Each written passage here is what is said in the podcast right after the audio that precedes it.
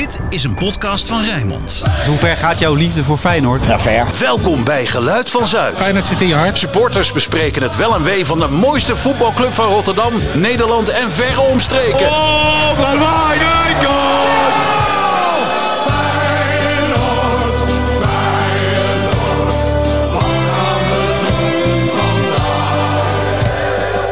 Geluid van Zuid. Aflevering 35. Het is vandaag 8 november 2023. Arbitrale dwalingen. Voorpagina nieuws. Algemeen Dagblad. 25 januari 1993. Feyenoord kraakt optreden arbiter. Feyenoord had gisteren geen goed woord over voor arbiter Dick Jol. Volgens trainer Willem van Hanegem floot de Scheveninger net zo slecht als hij vroeger voetbalde. En dat was met zijn kop naar beneden. En dan maar iedereen omverlopen, al dus de kromme, na de 1-1 tegen Twente. Van Hanegem reageerde ronduit verbaasd toen hij vernam dat scheidsrechter Jol, ex-prof bij NEC en Bergam Sport, op de internationale lijst staat. Het is te hopen dat hij naar het WK in Amerika gaat. Mag hij mooi in Orlando blijven, als attractie in Disney World. Door de remise lukt het Feyenoord niet PSV van de eerste plaats in de eredivisie te verdringen. Later dat seizoen kwam het goed, maar het mogen duidelijk zijn, het houdt ons bezig.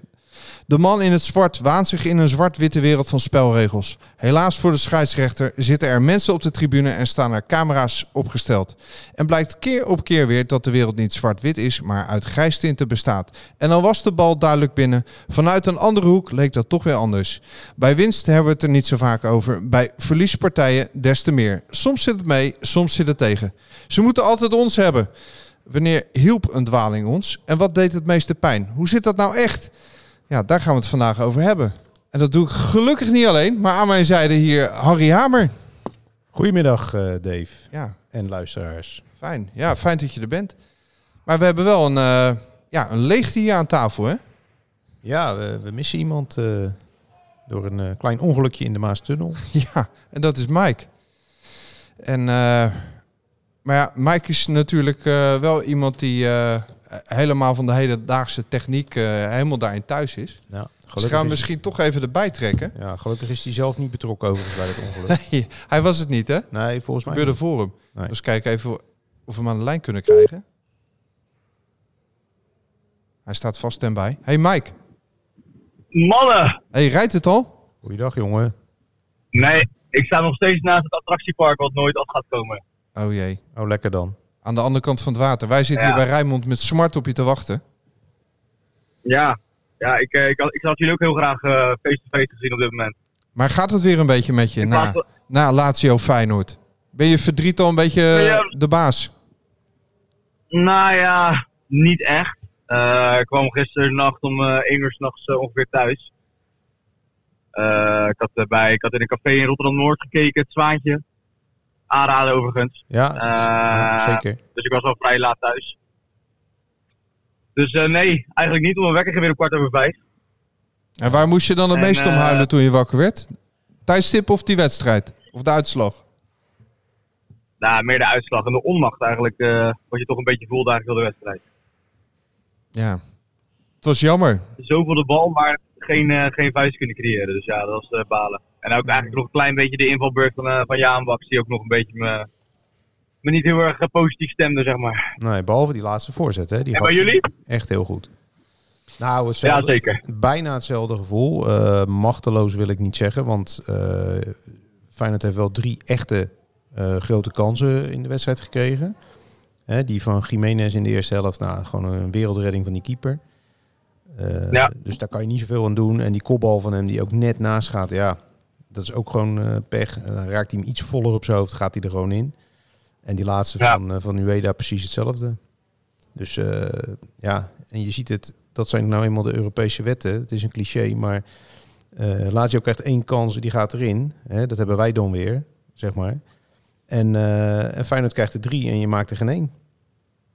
Nee, het gebeurt dus de laatste tijd wel veel, moet ik zeggen.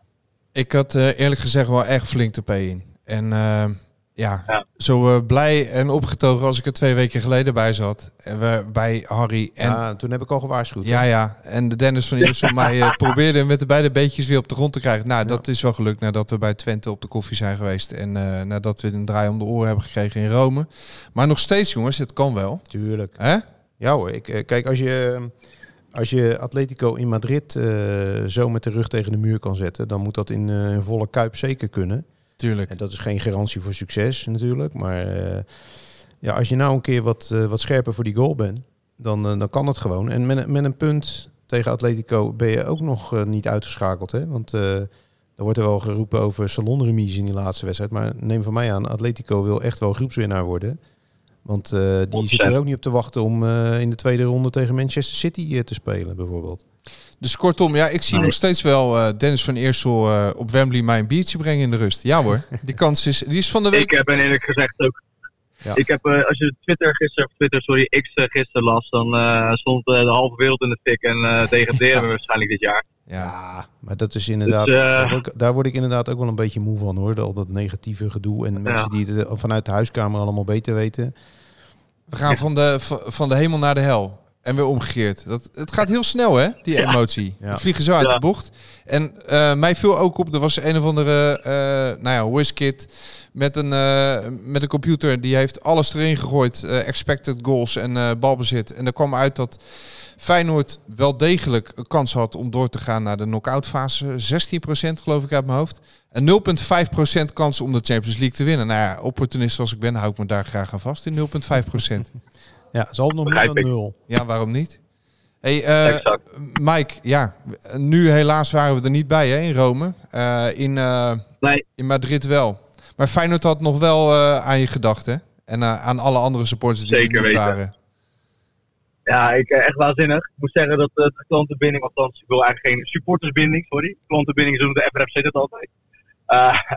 Maar dat Feyenoord daar de laatste tijd wel erg sterk aan het verbeteren was. En eh ze hadden nu aan alle uitsporters, waaronder ik eh, natuurlijk Paul, en jij ook denk ik, een ansichtkaart gestuurd. Eh, met erop Wish You Were Here, met de foto's, eh nou, als een echte ansichtkaart van, van Rome.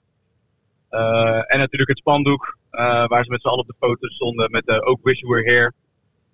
Dus ja, echt waanzinnig goed toffe actie. Ik zie, ja, goede actie. En een mooi inhaken hier aan tafel. Ja, dat is audio. Ik kan het heb- helaas ja, niet... het, eh, is, het is lullig dat je er nou niet zien. bent, eh, Mike. Maar eh, ik heb speciaal voor jou... Nee, dit is echt toeval hoor. Maar eh, ik ben een enorme Pink Floyd eh, fan. Beste band eh alle tijden wat mij betreft. En ik heb een shirt aan met eh, de tekst Wish You Were Here erop. Maar ja, die zie je nou dus niet. Nice. nee, dat is balen. Zonde man. Nou, maak Ja. wel een fotootje voor je. Ja, misschien kan David met een foto doorsturen. Jawel, ja, gaan we hoor. doen. Gaan we doen. Nou ja, ik zou zeggen, Mike, eh ice on the prize en ice on the road. En ik hoop dat het nog gaat rollen. En dan eh, ja, moet je maar even laten weten of je nog in de buurt kan geraken. Dat doe ik zeker de deur nog voor Ja. je open hoor. 100% en pak ik je- eh, doe pak ook je- mijn best. En dan pak je de blessuretijd nog even mee. Precies. Turbootje aan en dan eh, hoop ik als die lampjes eigenlijk op groen gaan dat ik gewoon lekker door kan rijden. Ja, super man. Precies. Hey, rustig aan. En Hey, tot zo hopelijk. Joe, ciao. Hoi. zo, jongen. Hoi. Arme jongen. Hij zit of in de file, of in Ja. de file, of hij laat de hond uit, of hij zit ergens in een stadion. Dat is een beetje zijn leven Het volgens is mij. altijd wat met hem. Ja, Ja, maar hij blijft lachen. ja eh, wij ook. Ik dacht, ja, ik hoopte hem gelijk hier te zien. Want eh, nou, vanmorgen eh, ja, het was een beetje depri allemaal, hè, de berichten die we van hem kregen. Dus ik dacht, laten we hem een beetje opbeuren Ja, vandaag. precies joh. We, we zitten nou weer een dag verder en eh, het kan nog steeds hè. Ja, hè? Tuurlijk. Ja. Ja, ehm, nou dan gaan we het, eh, beginnen wij even met z'n tweeën. Ik, ik denk dat dat moet lukken. Harry, Dat toch wel. denk je niet? Ja. ja. Ja. En eh, ja, voor de, de luisteraar. eh, we gaan dus ons uitlaten over de arbiter, de man in het zwart. En ja, waar hielp het ons ooit en waar zat het tegen? En dat allemaal uiteraard in relatie tot Feyenoord. Want ja, vandaag hebben we het niet over knijpende backs en looplijnen. Maar wel willen we een antwoord ge- geven op de vraag, wat is dat voor een club? En daar hoort de arbiter ook bij. We hebben het wel eens over de tegenstander vandaag, dus eh, de arbiter. Voordat we daarin rollen, ja, het, eh, het huilen staat ons nader dan het lachen. Maar, eh, maar toch. En allemaal eerst een rondje maken in een tangaslip. nog gelachen? Viel er ook nog wat te lachen tussen de Romeinse tranen door. Ja, dat was voor de Romeinse tranen eigenlijk. Eh, natuurlijk gelijk gekeken naar het eh, thema van deze uitzending. Ehm, aangezien ik zelf eh KNVB-scheidsrechter ben en sommige luisteraars misschien wel eens tot vervelens toe mij op het veld zijn tegengekomen in die rol. Dat ik nog wel eens een kaartje aan ze heb uitgedeeld. Ja, ik kijk ik heel veel naar de arbiters en, ehm, en, en, en vandaar ook dat we deze aflevering maken. De, de, de zin en de onzin die vaak ook geroepen wordt hierover. Nou, een voorbeeldje daarvan, en daar moest ik eigenlijk wel een klein beetje om, eh, om glimlachen. nou, afgelopen zaterdag naar RKC eh, Feyenoord. Ehm was natuurlijk een week van daarvoor allemaal klagen over Paul van Boekel. Die als VAR inderdaad een enorme blunder begint door eh Hichler naar het scherm te roepen, minimaal. Om te zeggen dat het toch echt een penalty had moeten zijn. Die tackle van Prupper op eh Jiménez. Nou, dan is die scheidsrechter bij RKC Feyenoord. Eh, dan geeft hij zelf op advies van de VAR, geeft hij, eh, die strafschop had hij zelf al wel gezien, maar geeft hij dus ook een rode kaart aan die verdediger van de RKC. En volledig conform de regels. Want eh, het is vasthouden. Er staat gewoon in de spelregels dat als je niet in een duel om de bal, en dat was dit niet, want die verdediger komt nooit meer bij de bal. Als je dan je tegenstander vasthoudt of duwt en daarmee een duidelijke scoringskans ontneemt, staat daar gewoon een penalty en een rode kaart nog steeds op. En dan gaan de trainers na afloop, ik heb ze heel hoog zitten, Henk Vrezer en Arne Slot, maar die gaan dan na afloop zeggen van ja, dat ze eigenlijk die rode kaart een beetje te zwaar vonden. Dan denk ik ja, dan worden de regels goed toegepast. En, is is, het is het weer niet goed. Wat Ja. willen we nou? Nou, het is toch een zondebok, de man in het zwart ook. Ja, Is wel lekker, toch? dat is inderdaad altijd het makkelijkste slachtoffer. Ik lees, eh, ik lees af en toe echt bizarre eh, reacties. En natuurlijk maken scheidsrechters ook fouten, maar voetballers nog veel meer hoor. Maar Jiménez ging neer in de Enschede. Ja, Dat was toch wel een penalty? Of eh, Ja, zie ik dat verkeerd nee. met mijn rood-witte bril? Nee, dat zie je niet verkeerd. Ik vond, het, ik vond dat inderdaad ook. In eerste instantie dacht ik ook vanuit het normale camera-standpunt van... Nou, het valt wel mee. Jiménez heeft natuurlijk inmiddels ook een beetje een reputatie opgebouwd... dat hij makkelijk valt. Dat, dat speelt dan misschien ook mee, helaas. Eh, vanuit het camera-standpunt achter het doel zag je dat inderdaad wel degelijk... eh, dat hij geraakt werd en dat het gewoon een strafschop had moeten zijn wat ik dan weer onbegrijpelijk vind, is dat mensen eh, dit dan weer gaan vergelijken met die situatie een week later bij Heracles PSV, waarbij Justin Hoogma, Luc de Jong vol, of nee, Guus Stil was het, vol op zijn Achillespees raakt. En dan zeggen de mensen van ja, bij dezelfde overtreding werd een week eerder bij Feyenoord geen strafschop en een rode kaart gegeven. Nou, sorry, maar dat is natuurlijk helemaal niet dezelfde overtreding. Die overtreding van Prupper was een overtreding. Het had een strafschop moeten zijn. Maar een rode kaart slaat natuurlijk nergens op. Want hij raakte hem zeker niet met zijn noppen vol op zijn Achillespees. Wat bij eh Guus Til wel gebeurde. Maar jouw punt is, dan worden de regels toegepast en is het weer niet goed. Nou ja, dat vond ik bij RKC Feyenoord inderdaad vond ik wat vreemd van die commentaren. Want ik weet zeker, eh, dat is trainers eigen, dus niet per se Henk Vrezer. Maar als bij een aanvaller van RKC dezezelfde overtreding gemaakt zou zijn... en de scheidsrechter zou daar hebben volstaan met een strafschop en een gele kaart... eh, dan zou Henk Vrezer waarschijnlijk de eerste zijn geweest die had gezegd van... Hey, dat klopt niet, het is toch een rode kaart? Ja. Ja, zo zit, Ja. Het, zo zit de, de voetbalwereld helaas in elkaar. Ja. Het is altijd, bij, de tegenstander is het altijd een rode kaart. En bij jezelf eh, dan eh, is het te zwaar. Beetje emotie en eh, belangenverstrengeling, hè? Ja. Dan. Ik vind het selectieve verontwaardiging. Oké.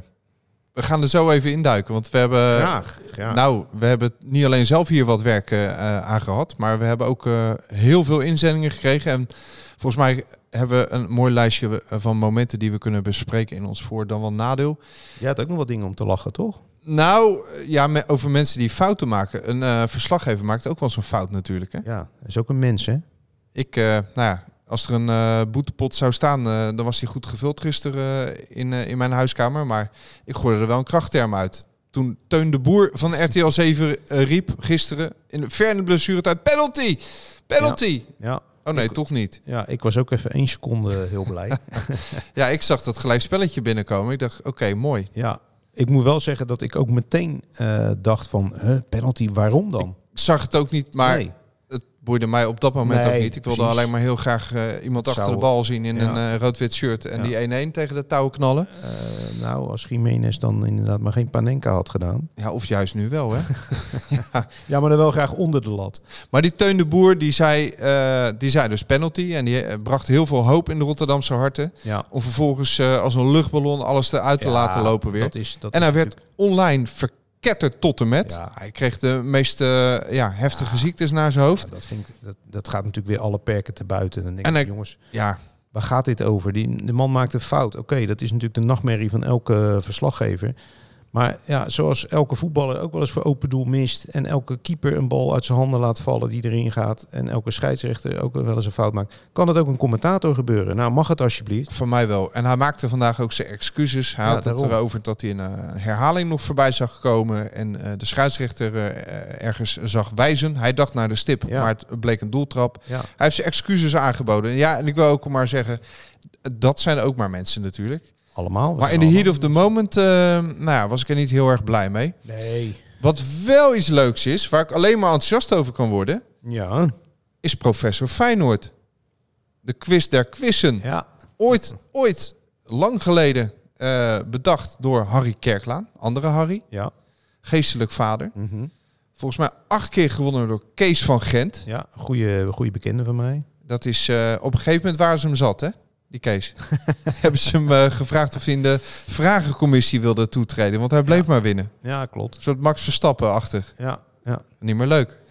Nou ja, goed. Ik heb zelf ooit eh, negen keer het NK voetbalquiz eh, gewonnen. En, In mijn eh, sluis is dat, hè? Ja, ja, dat was toen nog in Maasluis, tegenwoordig in de Kuip. Dat is wel lang geleden dat ik gewonnen heb hoor, want de, de grijze cellen werken niet meer zo goed als vroeger. Maar dat werd op een gegeven moment ook, dat ik zelf op een gegeven moment dacht van, eh, moet ik niet eh, in de organisatie gaan zitten in plaats van eh, dat elke keer maar. Maar toen zei de organisatie daarvan, zei weer van, ja luister eens, de eredivisie speel je toch ook niet zonder Ajax, Feyenoord en PSV, omdat ze elk jaar kampioen worden. nou, zit ook wat in. Ja, maar goed, ehm, even terug naar professor Feyenoord. 24 november. Ja.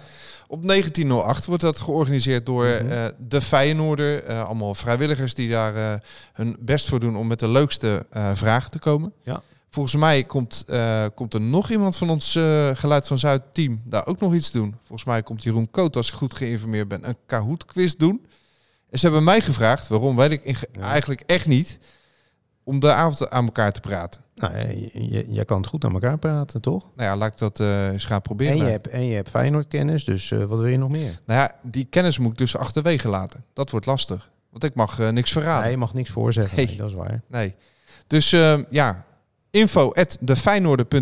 Er zijn geloof ik al 50 inschrijvingen. En er is nog plek voor, nou, nog wel 10, 20 eh, enthousiaste deelnemers hoor. Ik weet niet wat het maximum is, maar eh, ik zou eh, inderdaad eh, tegen de luisteraars zeggen die dat nog niet hebben gedaan, schrijf je in. Ja, En dan, kan je, dan kan je hele mooie kennis meten met, met andere Feyenoorders. ja, die lopen er rond hè, op die avond. Zo. En er loopt ook nog eens een, een ex-speler rond. Kan je zomaar tegen het lijf lopen. Ja, ja. Moet het Nee. nog heel even voor ons houden wie dat wordt. Mhm. Een soort Sinterklaas-vibe. hè? Komt hij wel, komt hij niet. Net als handharing. Hans Twig zal ongetwijfeld ook wel weer meedoen. Vriend van de show. Dat is ook een, eh, een wandelende Feyenoord-encyclopedie. Ik dacht dat ik veel van Feyenoord eh, weet, maar eh, hij is wel de overtreffende trap hoor. Maar toch heeft hij niet gewonnen vorig jaar. Vorig jaar niet. Cor. Velleman. Ja, ja, ja. Ken hem nog niet. Gaat ongetwijfeld Ik eerlijk gezegd ook niet, maar... We hebben Hans vorig jaar in de show gehad hier een keer. En toen Ja? heeft hij ons helemaal uitgelegd hoe dat, eh, nou ja, hoe dat werkt in zijn brein ook. Ja, ja, ja. En hebben we een soort training gegeven, maar heeft niet geholpen. Nee. Dus eh, ja, ik hoop... eh, Nou, hij is in trainingskamp gegaan volgens mij oh ja? deze, deze keer. Nou, we gaan het zien. Dus nou, misschien ontmoeten we de luisteraar daar ook. Wellicht. En het kan ook zomaar zijn dat jij daarbij bent, Harry. Dat zou best wel eens kunnen, ja. Ik weet alleen nog niet aan welke kant van de tafel. Hartstikke goed. Nou, dan gaan we naar het hoofdgerecht. De top 10 arbitrale dwalingen in ons nadeel. En jij hebt er een, eh, eh, een stuk of 10 op een rij gezet. Dat Ja, is meestal bij een top zijn, 10. er zijn er nog meer. Ja. Maar laten we, hè, laten we nou de, de luisteraars niet vermoeien met een ellenlange lijst. Want dan eh, vallen ze op een gegeven moment in slaap, denk ik. Ehm, en daarbij vind ik wel, en dat is ook meteen, eh daar wil ik er gelijk bij zeggen, dat is ook de reden dat ik deze lijst heb samengesteld. Eh, kijk, we zijn natuurlijk geneigd, heel veel mensen zijn geneigd om alleen maar te kijken naar de momenten waarin jouw club wordt benadeeld. En dat is niet alleen bij Feyenoord, dat is ook bij andere clubs. Ehm, maar ze vergeten heel vaak de momenten waarop, eh, waarop het ook wel eens mee zit qua arbitrage. Die zijn er ook, al willen ze dat vaak eh, niet horen. En daar gaan we straks ook even bespreken. Dus we zoeken ook een beetje de nuance en het tegengas vandaag. Oké, oké. Dus we beginnen even met in ons nadeel. Op 10. Nou, daar staat eh, de, de wat oudere eh, luisteraars, die, eh, die weten dat nog wel. Ik was er zelf ook bij in 1987. Eh, Feyenoord VVV, laatste competitiewedstrijd, ging helemaal nergens meer om op een doordeweekse avond. En dat was het afscheid van Simon Tahamata als Feyenoorder. Nou, die zou natuurlijk, er zaten nog geen 10.000 mensen, dus dat was op zich al onwaardig hoe hij afscheid moest nemen. Maar er was ook nog eens een keer een, een scheidsrechter met de eh welluidende naam Eltjo Bulthuis. De man kwam uit, eh, uit Hengelo, Overijssel. Zou het familie zijn van die voetballer Bulthuis? Nou, die kwam niet uit het oosten van het land. Dat- Utrecht, ik geloof ik. Ja, ja. Anyway, Ja, ga door. In ieder geval, die, die man eh, die dacht van... ja, de eerste keer dat hij in de Kuip mocht fluiten. En die dacht, ik zal eens eventjes de regels strikt gaan hanteren. Dus die geeft Simon Tahamata eh, een gele kaart... omdat hij bij, een, bij een muurtje... of bij een vrije schop stond hij als buitenste man in de muur. Eh, Het muurtje ging niet op voldoende afstand. En dan kreeg de buitenste man altijd automatisch geel. Nou, dat was Simon dus in dit geval. En eh, later in de wedstrijd voor een, ja, wel een, een, een stevige overtreding. Maar die had je ook gewoon met een praatje af kunnen doen. Zeker in deze wedstrijd, in deze, met deze achtergrond. Alleen daar had deze meneer dus helemaal de feeling niet voor. En die trok gewoon heel eh, strikt de tweede gele kaart. En dus de rode voor Simon. En die ging huilend het veld af. En, Ach, ach, ach. Ja, er, die was, wilde. er was niet veel publiek. Maar eh, nou, Nou, zijn familie, voor, die, zal, voor die scheidsrechter. zijn familie zal ongetwijfeld op de tribune hebben gezeten ook. En eh, vrienden.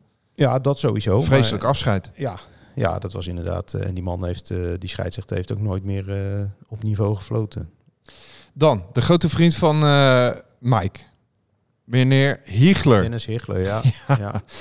AZ Feyenoord 2022. Twee sch- strafschoppen voor AZ. In de eerste helft, ja, Ja. klopt.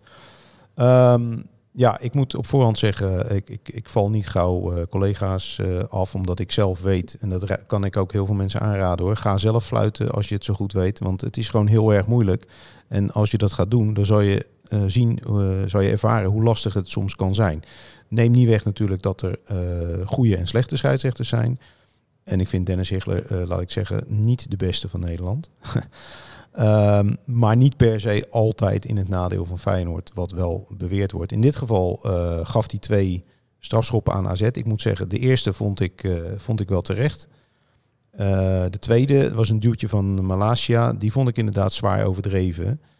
Eh, zeker als je tien minuten daarvoor al een strafschop gegeven hebt. En dat mag in principe niet meespelen. Maar als het dan om een dusdanig lichte overtreding gaat, dan zou je als scheidsrechter moeten aanvoelen en gewoon in dit geval door moeten laten spelen. Maar marchanderen, hè, optelsom. Dat doe jij toch ook wel eens als je op het veld staat? Optelsom. Die vervelende Eh, rechtsbuiten. nou, een optelsom doe ik alleen inderdaad als iemand eh, drie, vier overtredingen maakt. En dan is hij bij de vijfde, is hij gewoon het haasje. En dan, Maar is toch ook niet kaart. zuiver dan? Eh, jawel, want dat Ja? staat ook in de spelregels. Dat je bij herhaaldelijk overtreden van de spelregels, eh, bij het herhaaldelijk maken van overtredingen, dat je daar een, eh, een waarschuwing en dus een gele kaart voor kan krijgen. Oké, nummer 7. NEC Feyenoord 2022. Guzebuurk. Nou, slaan nummer 8 even oh, over. nummer 8. Oh ja, Twente Feyenoord. Ja. Zeer recent. Ja, Hadden we het net over. Dat Lindhout. Was, dat was die van vorig jaar. Ja. Die, die hensbal van, van Prupper, in Prupper. de laatste minuut. Eh, ja, dat is een hele rare situatie. Want eh Jiménez loopt inderdaad heel licht tegen Prupper aan. Die gewoon inderdaad verkeerd timed. Maar goed. Alleen, er liep ook een verdediger van Twente weer tegen Jiménez aan. Dus ja, de vraag is, waar begint dat duwen? Wat het natuurlijk helemaal krom maakt, is dat Lindhout eh, op het moment dat hij fluit, dat hij een gebaar maakt voor dat er hens wordt gemaakt. Dat klopt, dat deed Prupper. Alleen hij wijst de andere kant op. Alsof een Feyenoord hens zou hebben gemaakt. Nou, dat sloeg natuurlijk helemaal nergens op. Ehm, en ook het feit dat, dat de VAR hem niet naar de zijkant eh, riep bij dat moment, dat is inderdaad ook dubieus. Want het was op zijn minst een twijfelgeval. Hè? Want je, je kunt inderdaad zeggen, eh, er wordt een duwtje uitgedeeld. Eh, maar je kunt ook zeggen, nou, het duwtje is te licht. Hij, die verdediger gaat met zijn arm naar de bal. Had hij gewoon niet moeten doen. Dus, dus ja, dat is wel een, eh, een dubieus moment. En zeker omdat het bij 1-1 in de laatste minuut eh, gebeurt. Dan doet het extra pijn. Kijk, gebeurt het na 10 minuten en staat het al 2-0. Ja, dan hoor je er nooit meer iemand over. Nee. Nu wel. Dan toch, eh, op, op 7. NEC Feyenoord, ook recent. Serdar Guzebuurk 2022. Ja, hetzelfde seizoen. Jiménez, ik haal hem even voor de geest. Jiménez probeerde Silas een beetje dwars te zitten. Silas die wilde, volgens mij, Die wilde uittrappen. die wilde uittrappen. Ja, En hij trapt hem uit tegen de rug, volgens mij, van eh Jiménez. ja. Jiménez kwam daardoor in balbezit. Ja. Dacht, nou, dank je. Ja. Gracias. En die gooide hem in het, eh, in het hoekje. En, eh, en bingo. Ja. En om wat voor bizarre reden dan ook, werd daarvan afgezien door de arbiter. Ja. Eh, dat is, dat is eh, later inderdaad heeft, daar heb je natuurlijk uiteindelijk niks meer aan, maar later heeft de KNVB ook wel toegegeven dat dat een verkeerde beslissing was. Wat, wat in, eh, ter verdediging van de scheidsrechter in dit geval was, Jiménez loopt eerst weg van het strafschopgebied, gaat daarna weer terug. Waarom, weet niemand, want Sillis had die bal gewoon in zijn handen, dus hij, hij had daar toch niks te zoeken. Maar het mag toch? Hij mag daar in principe gaan staan, Ja. eh, maar hij, hij loopt er wel bewust naartoe. En dat heeft de scheidsrechter ertoe eh, verleid om te zeggen van...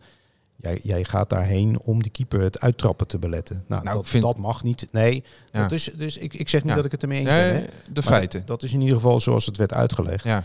En eh, kijk, Silas is natuurlijk... Ja, eh, is niet de meest sympathieke eh, speler. Nee, ik wou zeggen, het is sowieso verdacht dat iemand naar Sillissen toe loopt. Daar wil je helemaal niet Ja. naartoe lopen. Nee, kijk, wat hij, wat hij natuurlijk als, had moeten doen... Ik ben zelf ook altijd keeper geweest. Doe gewoon een stap opzij en schiet die bal gewoon uit. Dan, Ja. dan heeft Jiménez helemaal geen invloed op die situatie. Maar hij neemt bewust het risico die bal recht vooruit te trappen. Ja, voor hetzelfde geld had de scheidsrechter gewoon een doelpunt toegekend. En dan was hij, eh was Sillissen de slumiel geweest van NEC natuurlijk. Dan was hij weer gaan huilen. Hij kijkt ook Ja. altijd zo, alsof Ja. hij ieder moment gaat huilen. Ja, ik Ja, vind, je- het, ik vind het een. eh, die jongen heeft een, een gemaakte rust, noem ik dat altijd. Hij doet altijd alsof hij heel rustig is, maar dat is hij juist niet. totaal opgefokt. precies. Ja. Hij Nou is heel vaak op, op, eh, betrokken bij incidentjes en dergelijke. Dus Op 5. Ajax Feyenoord 2022. Dennis Makkely. En dan hebben we het over een penalty moment. eh Martinez Dessers. Dan- Danny, Danny Makkely. Ja, Danny. Zei ik Dennis? Danny. Ja, Ja, ja. Danny. ja, nou, dus- Martinez Dessers. Ja. ja. Ehm, Een beukje, hè? In dat de was 16. Een, nou, dat was een behoorlijke beuk. Behoorlijke beuk. Ja. Eh, dat was, als ik me niet vergis, was de stand op dat moment eh 1-2 voor Feyenoord nog. ja.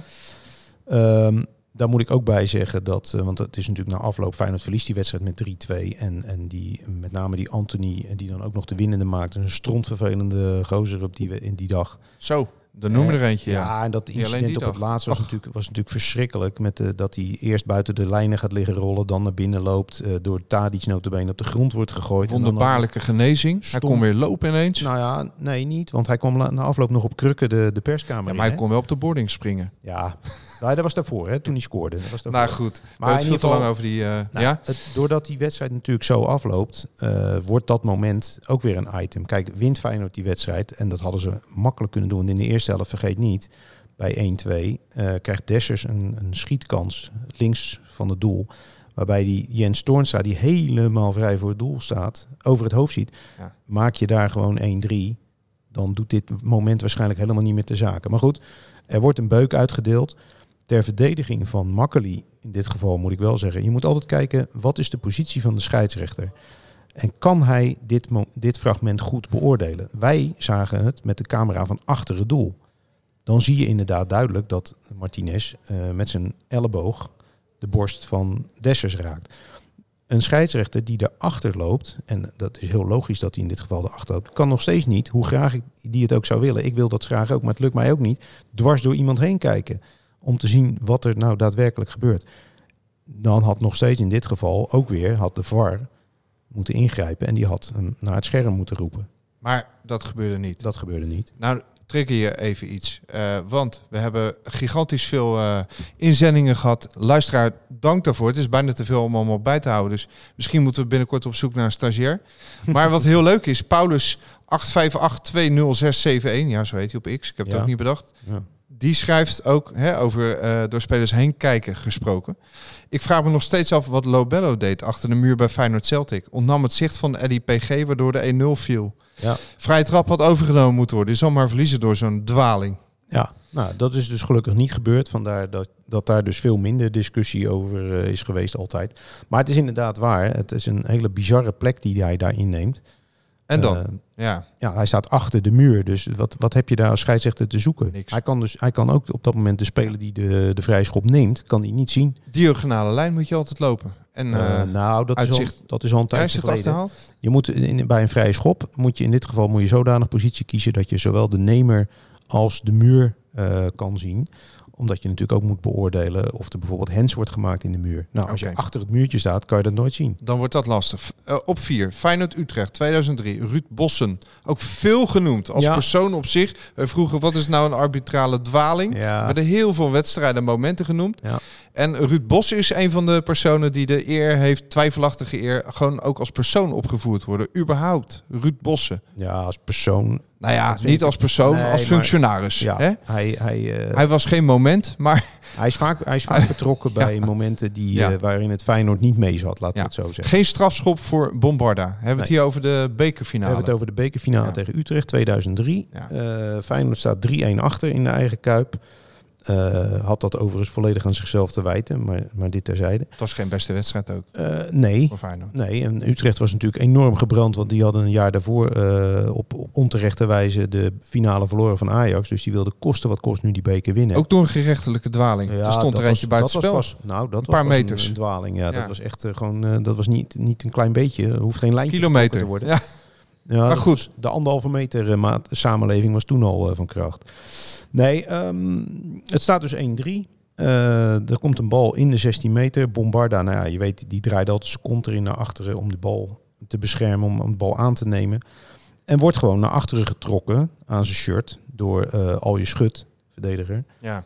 Eh, en Bossen geeft geen strafschop. Nou, dat had dus eigenlijk wel gemoeten. Nou, had Feyenoord die strafschop benut, was het 3-2 geweest met nog, ik dacht, een kwartier te spelen ongeveer.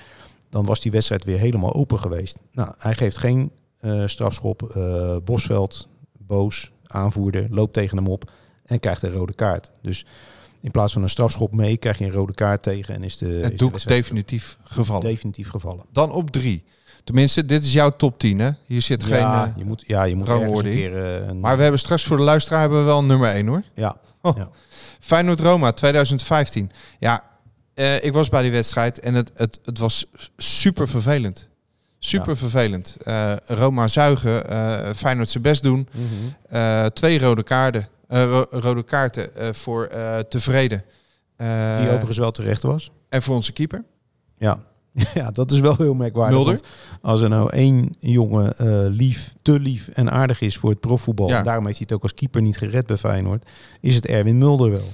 En nou ja, en dat blijft de meeste mensen bij, eh, denk ik. Ook te zien eh, aan alle inzendingen. De bananen. Eh, bring back the Ja. banana. Een, Ja. een mooi icoon uit de jaren tachtig. Opblaasbananen. Dat is leuk. Daar kan je mee gooien. Je kan elkaar op de hoofd mee slaan. Ja. Doet het niet al te veel pijn. Vooral ludiek. En wat eh Clément Turpin uit eh, Ja. Frankrijk, die Ja. zei, ja, maar dat is racisme. Waarop iedereen zei, ja, maar wacht even. Als jij een banaan racisme vindt, Ja. dan zegt dat meer over jou. Dat jij hè, eh, dat verband legt. maar hij kunt- heeft het wel genoteerd. Je kunt ook overal iets achter zoeken inderdaad. En het heeft Feyenoord een flinke boete opgeleverd. Ja, klopt. Een behoorlijke boete. Ja. Super terwijl er vervelend er- was het. Er werden volgens mij, als ik me goed herinner, werden niet alleen eh opblaas bananen werden er eh, rondgegooid op de tribunes, maar ook strandballen. Ja. Ja, eh, is dat ook racisme dan tegen, tegen wie dan? Ja, ik weet niet wat die Turpin heeft meegemaakt in zijn leven. Dat was, ik moet zeggen, daarna heeft hij, hè, hij is behoorlijk omhoog gevallen op de, Ja. op de internationale scheidsrechterslijst. En ik zie hem eerlijk, eerlijk gezegd, zie ik hem nu ook wel eens Champions League wedstrijden fluiten. Dat doet hij echt goed. Oké, Zo, nou ja. zo objectief moeten we ook zijn. Maar die avond was hij inderdaad een drama. Bloedirritante man. En dan ook eentje die bijzonder veel werd genoemd. Was eh Feyenoord Wolfsberger 2020. Nou, dat, ja, dat zat, zit natuurlijk een heel raar verhaal aan vast. Eh, Coronatijd, geloof ik. Ja, het was coronatijd. Ja. Eh, dat betekende dat er stond oorspronkelijk een or- arbitraal trio uit Oekraïne op deze wedstrijd. Maar die testte een dag voor de wedstrijd positief. Dus er moest in alle uil moest er een ander trio eh, in worden gevlogen. Eh, meneer Jovanovic eh, uit Servië met zijn, met zijn secondanten. En die was waarschijnlijk niet helemaal goed voorbereid. Maar die kon wel door de Maastunnel rijden die dag, denk ik. In die coronatijd. Ik, denk, ja, ik denk dat hij een ander vervoermiddel genomen heeft. Maar goed, die, die, die was ook een, een beetje... Nou, hij was, hij was op een andere manier de weg kwijt. Eh, hè, niet zozeer dat hij vast zat in het verkeer, maar ja, die gaf drie strafschoppen tegen Feyenoord. Ik heb ze nog eens terug zitten kijken. Nou, de eerste kan je misschien nog een beetje verdedigen. Omdat Botteguin daar eh, gewoon net iets te laat is. Zeker. Ja. Maar die andere twee sloegen werkelijk helemaal, Helemaal nergens op. Met name die laatste. Bijlo gaat gewoon, eh, die komt uit zijn goal. Ja, als keeper spring je hoger meestal met je vuisten dan een verdediger.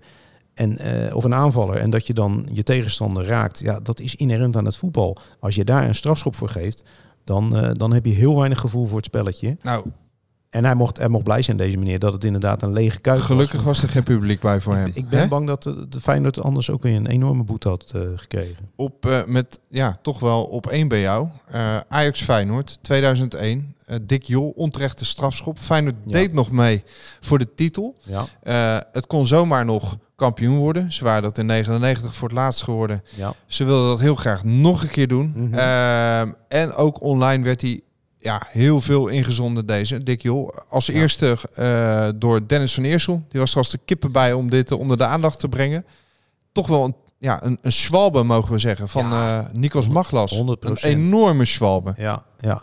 Nou, moet ik wel zeggen, we hebben de beelden nog eens teruggekeken. Iemand had ook een soort gifje op, eh, op social media gezet. Eh, Ja. Het is ook niet slim van Zoetebier om in die situatie met zijn benen naar de bal te gaan.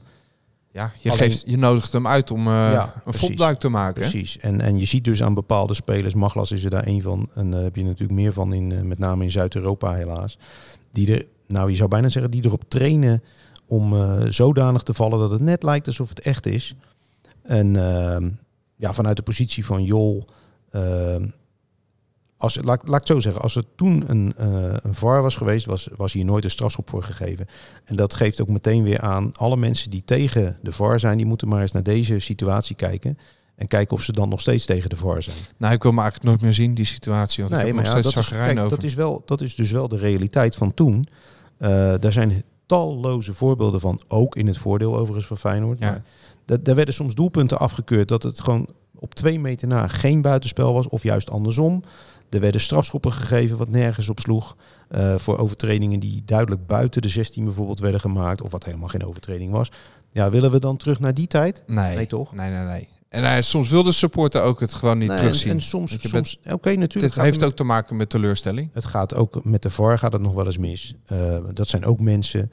En ik praat het helemaal niet altijd goed. Ik vind het ook belachelijk dat het soms zo lang moet duren. Maar eh, het, het voetbal is er wel eerlijker door geworden. Dat is gewoon zo. We kunnen natuurlijk, eh, je, kunt, je kunt niet verwachten dat het 100% eerlijk is. Want zelfs met de VAR zijn er situaties bij als de lijntjes getrokken worden. Of je, je ziet het uit allerlei hoeken en gaten. Dan nog kun je in sommige situaties echt niet zien of het nou een overtreding was of niet. Ja, geef dan gewoon eens een keer het voordeel van de twijfel aan die scheidsrechter. En accepteer gewoon ook eens een keer dat er een foutje gemaakt wordt. Een spits die voor open doel mist of die een Panenka over de lat schiet. Moeten we daarvan ook zeggen dat hij geschorst moet worden? Nee, toch? Nee. Precies. Maar wie ik altijd het voordeel van de twijfel gun, is Jeroen Koot met een nieuwe audiocolumn. Ja.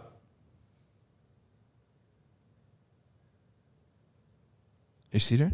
Ik kan het weten, hè? Oh, ja. The Man in Black. Scheidsrechters zijn net mensen. En ik kan het weten, want in zijn jongere jaren was mijn vader er een. Met zijn lange haren en bril leek hij op een vijfde lid van de Beatles. Op de amateurvelden in de regio gestoken in een zwart shirt met een afneembare witte kraag. Op zijn borst had mijn moeder het logo van de Rotterdamse Voetbalbond genaaid. Sterker door strijd. Zelf heb ik hem nooit zien fluiten. Of ik was toen te klein om hem te kunnen herinneren.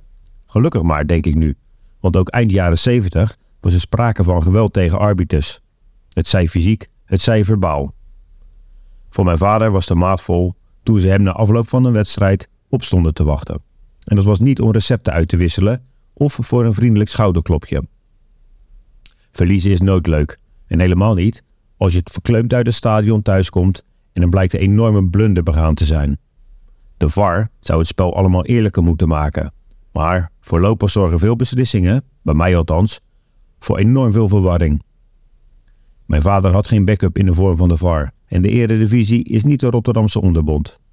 Ik zou je graag willen beweren dat ik vanwege het verleden van mijn vader als scheidsrechter nooit tekeer ben gegaan tegen de mannen in het zwart. Maar dan zou ik liegen. Ik ben iets te vaak van mening geweest dat Feyenoord is bestolen. Of dat allemaal terecht is? Nee, natuurlijk niet. Net zoals scheidsrechters zijn ook wij, de supporters, met soms maar een flart van de spelregelkennis, net mensen. Ja, daar wil ik toch wel tegen ageren hoor. Eh, tegen welke zin precies? Nou ja, dat, nou ja, dat het net mensen zijn, de- nou, dat eh, moeten we maar geloven. Het zullen vast geen het- wel. zijn of robotjes. Ehm, ik ben er zelf ook een, dus ik hoop dat ik wel een mens ben. maar ehm, er is op 1908.nl een lijstje verschenen met gemiddeld aantal punten. Ja, en dan ga je toch zitten kijken. En dan valt wel op dat Dennis Hiegler eh, in zeven duels, eh, wat is het? Het onderzoek heeft plaatsgevonden het afgelopen jaar. Sinds 2021, 22 zijn ze gestart tot, tot nu dan. En dan komt Dennis Hiegler tot een minimaal aantal punten van 1,29. Alleen Allard Lindhout eh, doet het nog eh beroerder voor Feyenoord. 1,25. En het beste zijn we af met Jochem Kamphuis. Want dan halen we in zes duels altijd de volle drie punten. Ja. Ja. Mag, ik, mag ik dit soort lijstjes gelul vinden? Ja, dat mag. Want eh, kijk, het zegt namelijk helemaal niets over eh, hoe een scheidsrechter in zo'n wedstrijd eh, gepresteerd heeft.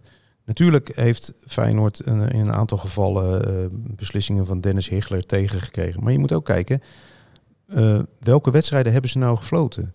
En dan valt bijvoorbeeld op dat Higler krijgt Feyenoord vaak in een uitwedstrijd. En ja, het is bij hem inderdaad wel zo. eh, dat zullen we zo meteen nog in het lijstje zien met de, de, de arbitrale beslissingen in, in het voordeel van Feyenoord. Bij Higler scheelt het heel veel of je hem in een uit- of in een thuiswedstrijd hebt. Jochem Kamphuis fluit meestal Feyenoord in de Kuip. Ja, als je dan Feyenoord VVV of eh, Feyenoord eh, Willem II of zo Mhm. fluit, is de kans inderdaad groot dat Feyenoord wint. Maar niet per se door de scheidsrechter. Nou ja, ik vind het eh, een verdachte zaak, die Hiegler. We houden hem in de gaten. Ja, dat wel. Maar ik vind bij dit soort lijstjes ook, ik lees ook vaak van eh, het aantal strafschoppen wordt dan bekeken. En dan op, aan de hand daarvan wordt dan bepaald of een bepaalde scheidsrechter tegen of voor een bepaalde club is. Ja, eh, kijk eerst eens, zijn die strafschoppen allemaal terecht? Als ze terecht zijn, wat, wat, wat ik kan denk- die man daar dan aan doen? Nou, ik denk niet dat hij opstaat en denkt... eh, oké, vandaag, eh, vandaag fluit ik Nee. Feyenoord, laat ik het eens eh, even verknellen voor ze. Dat denk ik niet. nee, maar dat denken een hoop mensen wel, hè? Maar nee, ook, en dat vind ik heel gevaarlijk. dat is Ik- met emotie. Ja, maar ik vind dat heel Ja. gevaarlijk. Want er zijn natuurlijk ook mensen, helaas, die nog wel eens op een verkeerde manier reageren. En ehm, geloof mij nou, er is geen enkele scheidsrechter die eh, bewust een bepaalde club of eh, eh, benadeelt. Kijk, je hebt allemaal wel, natuurlijk hebben scheidsrechters, zullen ongetwijfeld ook in hun jeugd een voorkeur hebben gehad voor een bepaalde club of wat dan ook.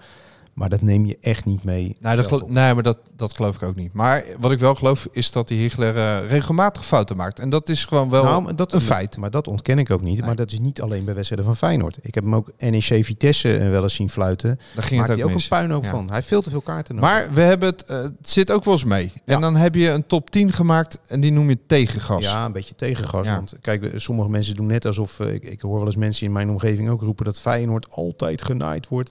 Het grappige is dat ze bijvoorbeeld... Hè, nou lees ik van de week ook weer... dat eh, bij, vinden ze bij Ajax weer... dat Brobby altijd eh, benadeeld wordt door de scheidsrechters. ik denk, ja, wie moet ik nou geloven? Ja, Dat, Nou ja. dat geeft toch meteen al aan wat een onzin het is. Je hebt, je hebt, tuurlijk word je wel eens benadeeld, maar je wordt ook wel eens bevoordeeld.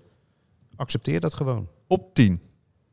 Ja, op 10. Ja, ik kon mijn veters nog niet strikken toen hoor. Feyenoord Nee. Dynamo Tbilisi 1981. Ik wel, ik was er zelf bij. Eh, dat is halve finale eh, Europa Cup 2 destijds, hè, het toernooi voor bekerwinnaars. Ehm Feyenoord had eh, de uitwedstrijd tegen Dynamo Tbilisi, wat toen nog onder de Sovjet-Unie viel, kansloos met 3-0 verloren.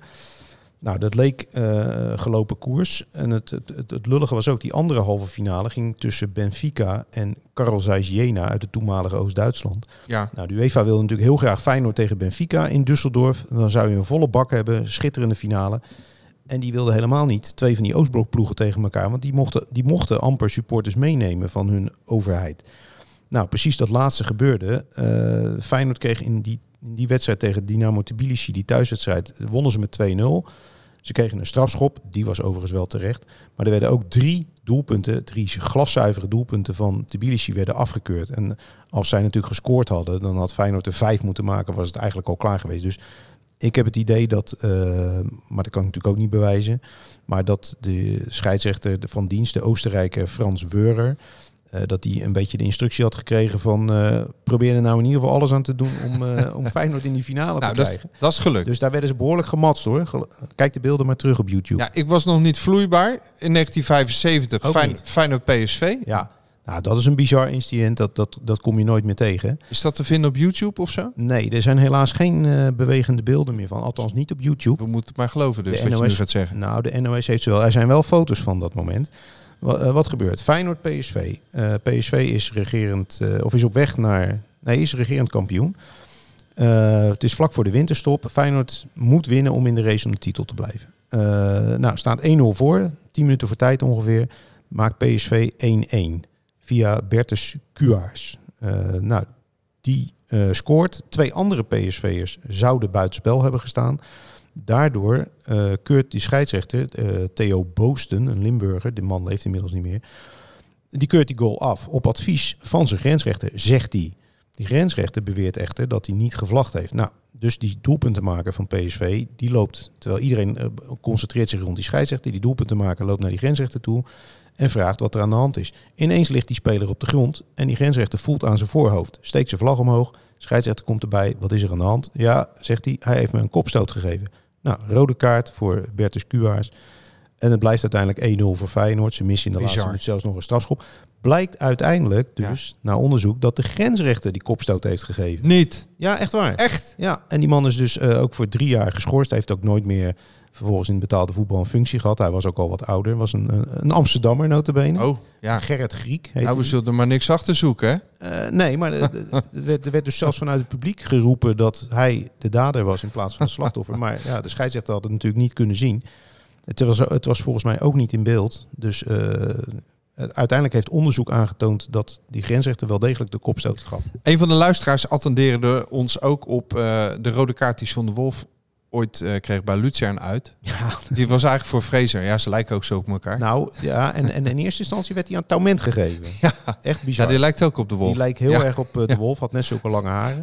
Goed. Maar daar houdt elke vergelijking wel mee op. We gooien het even tempo erin. Ja, Eh, op 8, Ajax Feyenoord 2003. Eh Dick, Dick ja, Jol was ook dat? was, ook dat was Dick Jol. Kijk, dus dan, de- als je het dan hebt over dat, hè, er worden dan heel vaak scheidsrechters gebrandmerkt alsof ze altijd tegen Feyenoord zijn. Nou, Ja. hier gaf hij dus heel duidelijk Feyenoord het voordeel. Eh Feyenoord staat 1-0 achter. Op bezoek bij Ajax. Hoge bal. Van Persie geeft een heel slim duwtje in de rug van Kivu. Die raakt daardoor uit balans. Van Persie neemt de bal op zijn borst aan. En schiet Prachtig. de gelijkmaker binnen. Nou, en die, dat doelpunt telde ook. En het leverde een winst op. Nee, punt. Of niet? Oh ja, de 1-1. gelijkmakertje. 1-1. Ja. Ja. Oké, op 7. Ja, eh, hier hebben we ook inzendingen over ontvangen vanuit de, eh, de regio Eindhoven. Ja, en terecht. En dat ging over eh Feyenoord PSV. Ja. In het seizoen 2022, Serdar Guzbuurk. Ja, Die was- 21, 22. Ja, die was eh, misschien ook wel een beetje onder de indruk eh, van de Kuip. En Stroot, Ed Strootgod zegt erover, dit was zwaar in jullie voordeel. We zouden hier graag nog excuses voor ontvangen. Nou, ik heb ze niet gegeven, die pingels. Nee, Dat was wij- Guzbuurk, dus Nee. daar gaan wij geen excuses voor Nee. maken. Maar ik snap wel dat je kan daar ook niks aan doen. Maar het was inderdaad, eh, de- ook daarvan heeft de KNVB een dag later gezegd dat het een onterechte beslissing was. Wordt nooit teruggedraaid. Kan hè? gebeuren. Nee, maar wat zou, waarom zou je dat terug moeten draaien? Kijk, als die wedstrijd een dag daarvoor gespeeld is, dan moet je, zou je dan de spelers weer terug moeten roepen om die wedstrijd uit te spelen. En dan kan je ook elke onterecht gegeven corner of ingooi, waar misschien een doelpunt uitgevallen is, kan je dan weer eh, terug gaan draaien. Zie jij Dus Joris- aan de gang. Zie jij Joris van Bentum geen rechtszaak aanspannen als ons dit overkomt en wij daardoor geen kampioen worden, geen Champions League eh, krijgen? Ja, het is, het, het is eh, in het hele verre verleden is het een keer gebeurd bij, bij de, een van de eerste Feyenoord Ajaxen. Dat, eh, ik geloof zelfs de allereerste, dat de wedstrijd eindigde in 3-2 voor Ajax. Eh Feyenoord diende een officieel protest in. Er waren toen nog niet eens tv-camera's, kan je nagaan. Dat bestond toen allemaal nog niet. Eh Feyenoord diende officieel protest in en dat is toen gehonoreerd. En waardoor de KNVB de uitslag terugdraaide naar 2-2. Moet je je voorstellen. Gekke werk. Achter de groene tafel, dat weet je toch ook niet? We gaan door. Op 6, Feyenoord Twente, 2022. Hiegler, hey! Ja, nou ja. daarom- Rood, rood voor Tjerny. Precies. Hiegler is niet alleen eh, in ons nadeel dus. Nee, daarom heb ik hem er ook ingezet. Oké. Die rode kaart was overigens terecht, want hij ging over de bal heen. Maar ik bedoel, als er dan mensen zijn die geloven dat Hichler een hekel aan Feyenoord heeft, zou hij deze rode kaart niet hebben gegeven, zou hij volstaan hebben met geel. Deed hij niet, want het was in de Kuip. Oké. Ehm, wat niet in de Kuip gebeurde in 2021, dat diezelfde Hiegler twee strafschoppen meegaf aan Ja. Feyenoord. Waar Nou, jij van zegt van nou, dat nou, was dat- misschien wel een beetje een mazzeltje. Nee, nou, het, het waren op zich wel strafschoppen. En hij had overigens in, eh, na 12 minuten al Kukcu eh, van het veld gestuurd met, met een rode kaart. Nou, kon ik meeleven met die beslissing, want hij ging er inderdaad behoorlijk hard in. Feyenoord stond toen al met 1-0 achter, want was eens, weer eens een keer te slap aan de wedstrijd begonnen. Eerste minuut gelijk al 1-0 achter. met 10 man, hè, de wereldgoal van Senesi kan je misschien nog wel herinneren. Zeker. Die knal in de kruising. Ja. En daarna kreeg Feyenoord dus eh, twee strafschoppen mee. Eh, nou, ik, ze waren, wat, volgens mij waren ze allebei terecht. Eh, maar het geeft dus maar aan dat Hichler ook wel eens Oké, een strafschop oké, aan Feyenoord oké. geeft. Nou ja, laat Mike... Misschien moet Mike dit fragment nog maar even drie keer terugluisteren. Want Ja, die, eh, die heeft het niet zo op Hiegelen. Nee, maar sommige mensen willen graag alleen maar de negatieve dingen zien. Ja, oké. Nou, Daar ben ik dan voor om een beetje de nuance heel mooi, heel mooi. te. Eh Feyenoord PSV 2017. Ja. Bas Nijhuis, eigen goal zoet. Ja, Ja. want die bal, die, hij, hij was een beetje aan het grabbelen. Hij lag volgens mij op de grond half. Hij zat op de grond, hield de bal op de doellijn inderdaad. Maar trok hem vervolgens naar zijn borst. Wat heel op zich een logische beweging is. Maar ja, er was toen doellijntechnologie. Dus dit was niet zozeer een arbitrale fout. Maar het was maar heel zelden dat er doe- doellijntechnologie werd gebruikt in het voetbal. En daar had Feyenoord dus in dit geval voordeel van. En mede, ik zeg niet alleen, maar mede door dit doelpunt werden we uiteindelijk kampioen. Maar werd hij ook naar de... Was hij helemaal over de lijn? Ja, want de, de, hij had een horloge om dat in Ja. verbinding stond met het cameraatje wat in Ja. het doel hing. En de bal gaf dus, eh, die, dat horloge gaf dus aan dat de bal volledig over de doellijn was. Maar dan is het geen dwaling in ons nee, voordeel. dat zeg ik ook. Het was geen dwaling. Ja, maar, maar het feit dat alleen in die wedstrijd doellijntechnologie werd gebruikt, heeft Feyenoord wel geholpen. Dan hebben we een hele leuke hier. En dit gaat ons voorlopig niet meer eh, overkomen. Joey Kooi, Feyenoord Groningen 2023. Tweede Ja. gele kaart voor Mata. Als Ja. ik het goed zeg. Heel veel puntjes Ja, op de met, met hem, moet je hè? zeggen. Ja. Want Joey Kooi mag Feyenoord niet meer fluiten. Omdat, eh, Nou, dat is niet vanwege deze beslissing hoor. Nee, wel, want we hebben Stenks aan boord. En daar Ja. zit weer eh, familie van. Dat zijn zwagers. Zwager, ja. Ja. Ehm, op twee, Ajax Feyenoord Nou, 2000. moeten moet hem niet nog even uitleggen? ja, Nou ja, goed, maar. eh, Ja, hij geeft een tweede gele kaart kort na rust. eh, om, omdat hij met eh, de bal dus tegen Jan Baks, eh, die op de grond ligt, eh, aanschiet. Ja, eh, dat kun je uitleggen als... eh, eh, eh, hoe heet het? Ehm, dat kun je uitleggen als spelbederf. En dus een tweede gele kaart voor geven. Dat, he- dat deed hij. Eh, er zijn ook mensen die zeggen van... joh, wat kan hij er nou aan doen dat die Feyenoord daar ligt? Dat Ja. deed het helemaal niet bewust. Nou ja, uiteindelijk wint Feyenoord met 1-0. Misschien wel mede daardoor. En dat eh, was welkom op weg naar het kampioenschap. Absoluut. Eh, op twee, eh, in jouw top 10 van meevallers. Ajax Feyenoord 2023. Ja. En dan hebben we het ook weer over het kampioensjaar. Want we hadden nog Hartman en Idrissi aan boord. En Hartman, die werd geloof ik in de rust gewisseld. Nee, na 20 minuten al. Na 20 minuten, dat was het. Ja. Ja. want hij had al heel snel eh, geel te Hij had pakken. snel geel te pakken. speelde op Maakte het randje daarna, van rood. nou, hij maakte daarna een overtreding waar je inderdaad wel degelijk een, dat was een geel, hè? tweede gele kaart voor had kunnen en misschien wel moeten geven. Deed Makkeli niet. Dus eh, laten we, hè, dat is nou Nou, zo'n typisch een nog, voorbeeld. nee, maar dat is typisch Ja. een voorbeeld dat je dus ook wel eens gematst wordt door een scheidsrechter. Want hij had daar makkelijk een tweede gele kunnen geven. Idrissi kreeg later geel voor een overtreding vol op de Achillespees van... Nou, ik weet even niet meer welke speler van Ajax het was. Maar in ieder geval, dat had ook gewoon direct rood kunnen zijn. En dan zeggen heel veel mensen ook weer van... Ja, maar Kudus van Ajax had ook rood moeten hebben. Ja, maar dat was wel in de laatste minuut. Toen het al 2-3 stond. Oké, En als jij, na, als je bij rust al met negen man eh, komt te staan... dan wordt het verdomd lastig weer. dat was een ander verhaal. Ja. En dan bij jou op één. MVV Feyenoord 1993, Dick Jol. Ja, Ik her- weer. Herinner me een doorgebroken speler. Volgens mij was het Erik Meijer Erik die eh, Meijer. door kon gaan. Die Ging was alleen in- op Ed de Goeie af. En die was in bloedvorm in die tijd. Ja, En Ulrich van Gobbel die, eh, die moest aan de noodrem trekken. Ja. En dat was redelijk aan het begin van de wedstrijd. eh, ja ik denk nou, 25, 25 minuten of Ja, zo. eerste helft nog. Ja. Roberto Lancourt kreeg wel een penalty. Die hem op de paal schoot. Ja, En eh nou ja, Feyenoord was toen in pole position om kampioen te worden. ja. En een hele vroege rode kaart. Ja, dat had die avond wel eens tot een andere eh, uitkomst kunnen Ja. eh, brengen. Ja, precies. En volgens de spelregels van toen, hè, je, hebt, je had toen nog de triple punishment rule, zoals dat heet. Eh, als jij een doorgebroken tegenstander een duidelijke scoringskans ontneemt door middel van een overtreding, was het gewoon een penalty en rood. En je ziet op de beelden, zie je Van Gobbel ook eh, met, een, met een soort gebedje eh, hè, zijn handen vouwen en naar Jol smeken van scheids alsjeblieft, alsjeblieft. Alsjeblieft. En hij Ja. geeft inderdaad geel, dus twee duimpjes omhoog. Ja. Hij was dolblij dat hij mocht blijven staan. Maar volgens de spelregels klopte het absoluut niet. Dus daar, werden, daar werd Feyenoord echt gemast. Zou Jol, Dick Jol een beetje menselijkheid in zich hebben gehad? Op dat moment. Zou hij daar ontvankelijk Ja, voor zijn, voor die smeekbeden? Dat denk ik wel. Maar ja, op dat moment had hij... Ja, heel eerlijk gezegd. Ik was blij dat hij het niet deed hoor. Eh, hou me te goede. Maar hij had natuurlijk eigenlijk gewoon de spelregels moeten toepassen... en Van Gobbel eraf moeten sturen. Eh, we moeten eventjes een andere aanstippen. Waar jij net al van zei voor de uitzending. Nou, dat was meer dan terecht. Maar de rode kaart die Kees Verwonderen eh, kreeg. Olympique Marseille, Champions League wedstrijd. ja, dat zorgde er wel voor dat de legioen erachter ging staan. En Feyenoord die wedstrijd over de streep trok. Ja. Wat veel mensen niet wisten, was dat Olympiek die wedstrijd. Die kregen ook twee rode kaarten. En er zijn veel mensen die denken dat Feyenoord die wedstrijd met 10 tegen 11 eh, met 3-0 won. Met legioen erachter. Klopt niet. Ja, natuurlijk. Kijk, die rode kaart voor Van Wonderen, die wordt ook gezien als... Er werden, sommige mensen stuurden dat in als arbitrale dwaling. Maar volgens de regels, hij houdt zijn tegenstander vast. En hij was op dat moment de laatste verdediger. Dus een rode kaart was, was te verdedigen inderdaad. Was op zijn plaats op dat moment. Hoe lullig ook, na zeven minuten. Maar nou goed, je ziet Van Wonderen ook niet protesteren. Hij gaat gewoon ook het veld af. Kuip gaat erachter staan. Eh, op het moment dat eh, de 1-0 valt van Kroes, was het overigens alweer 10 tegen 10. Eh, want had een van die Franse Fischer, die had ook twee keer geel gekregen. En bij de stand 1-0 kreeg even later nog een andere Fransman, Perez, kreeg ook zijn tweede gele kaart. En daarna, met dus 10 tegen 9, liep Feyenoord uit naar 3-0. Het is lijkt wel professor Feyenoord wat ik hier Ja, dit hoor. Allemaal uit blote dit koppie. Dit zijn de feiten. Als je niet meedoet, dan eh, mag, je, mag je me helpen Nou, daar deze, deze vraag gaan ze nu niet meer stellen Nee, natuurlijk. Nee. Even naar de inzendingen. Ehm, ja. Ja. heel veel genoemd. Ook een gele kaart voor Emmerton in de halve finale tegen Inter. Mark van der Heijden zegt, ja, hij, moest de bal van de grensrechter goed leggen. Ja. De scheidsrechter dacht dat hij tijd rekte. Daardoor miste hij de finale. Vond ik verschrikkelijk voor hem. Nog Nou, steeds. Dat vind ik inderdaad ook een hele lullige, was een hele lullige beslissing. Ja, en het zorgde er wel voor. Ieder heeft zijn voordeel dat Chris Gian eh, in de finale zijn opwachting mocht eh, maken. Dat eh, zei ook Jan de Knecht. Die noemde dat ook. Die is vandaag jarig. Eh, een bekende Feyenoord supporter mogen we zeggen, denk Ja. ik. Tenminste vandaag op de dag van de opname.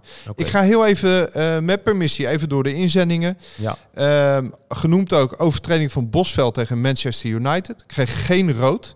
Wat wel gemoeten had. Wat, ja, want hij trapte die jongen in Dennis drieën bijna. Ja, ja. dat was vreselijk.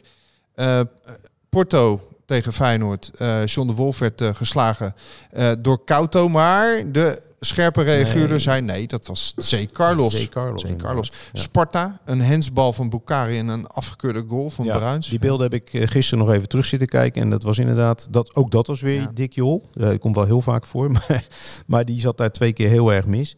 Al kon hij die handsbal vanuit zijn positie inderdaad moeilijk zien. Veel genoemd Twente. Ehm, en niet alleen eh Prupper in het seizoen 22-23, Mhm. maar ook dit seizoen met de Ja, penalty die we niet hebben gekregen. En Ja. eh, voor mensen met een nog wat beter geheugen ook nog een goal. Die werd afgekeurd Twente uit in het tijdperk dat we Graziano Pelle aan boord hadden. En die was zo over de zeik. Die zag ook die goal die werd afgekeurd. Op, werd op een groot scherm Ja. vertoond in het stadion. En na afloop eh, ja, sloopte hij de boel, schopte hij wat apparatuur eh, in de catacombe ja dat, kapot. was natuurlijk, dat kan natuurlijk ook niet. Nou, die, die, Ja, het is ook een mens. Eh, Dan wil ik het even opnemen voor Pelle. ja, Die wil zo graag winnen. ja, En je ziet, het, het klopt gewoon niet wat hier gebeurt. nee, maar Dus ik we, snap het wel. moeten we als mensen dan gelijk eh, de boel gaan slopen? Nou, slopen hoeft ook weer niet, Nee. maar ik snap wel de emotie die daarbij eh, komt. dat wel. Het is ook geen, eh, we zitten niet naar de, in een bioscoopzaal eh, Het ging, nee, theater. dat, dat, dat zeker niet. Het ging overigens om eh, de gelijkmaker van Twente. eh, Vijf minuten in blessuretijd. Waarbij een speler van Twente eh, al dan niet hinderlijk buitenspel stond. Voor de neus van eh, Erwin Mulder. Hans Twicht die zegt nog nek Feyenoord 77-78. Bij een 3-2 achterstand krijgt Feyenoord een vrije trap in de slotseconde. Notte schiet hem er prachtig in, maar het doelpunt wordt niet goedgekeurd. Op dat moment dat de vrije trap wordt genomen. Ja, een scheidsrechter die eh, fluit eh, voor het einde. Ja. Nou ja, Hans, eh, ik zou zeggen, je moet vooral meedoen met professor Feyenoord. Dan hebben we er nog wat aan.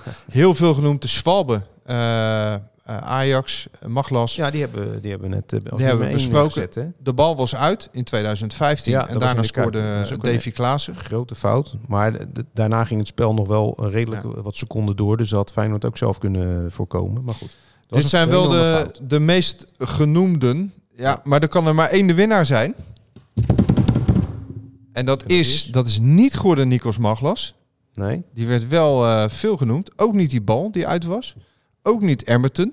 Daar zit gewoon eh, ook de emotie van de supporter Mhm. die Emmerton die finale gunde. Maar met, ja, ik mag wel zeggen met overmacht Clément Turpin.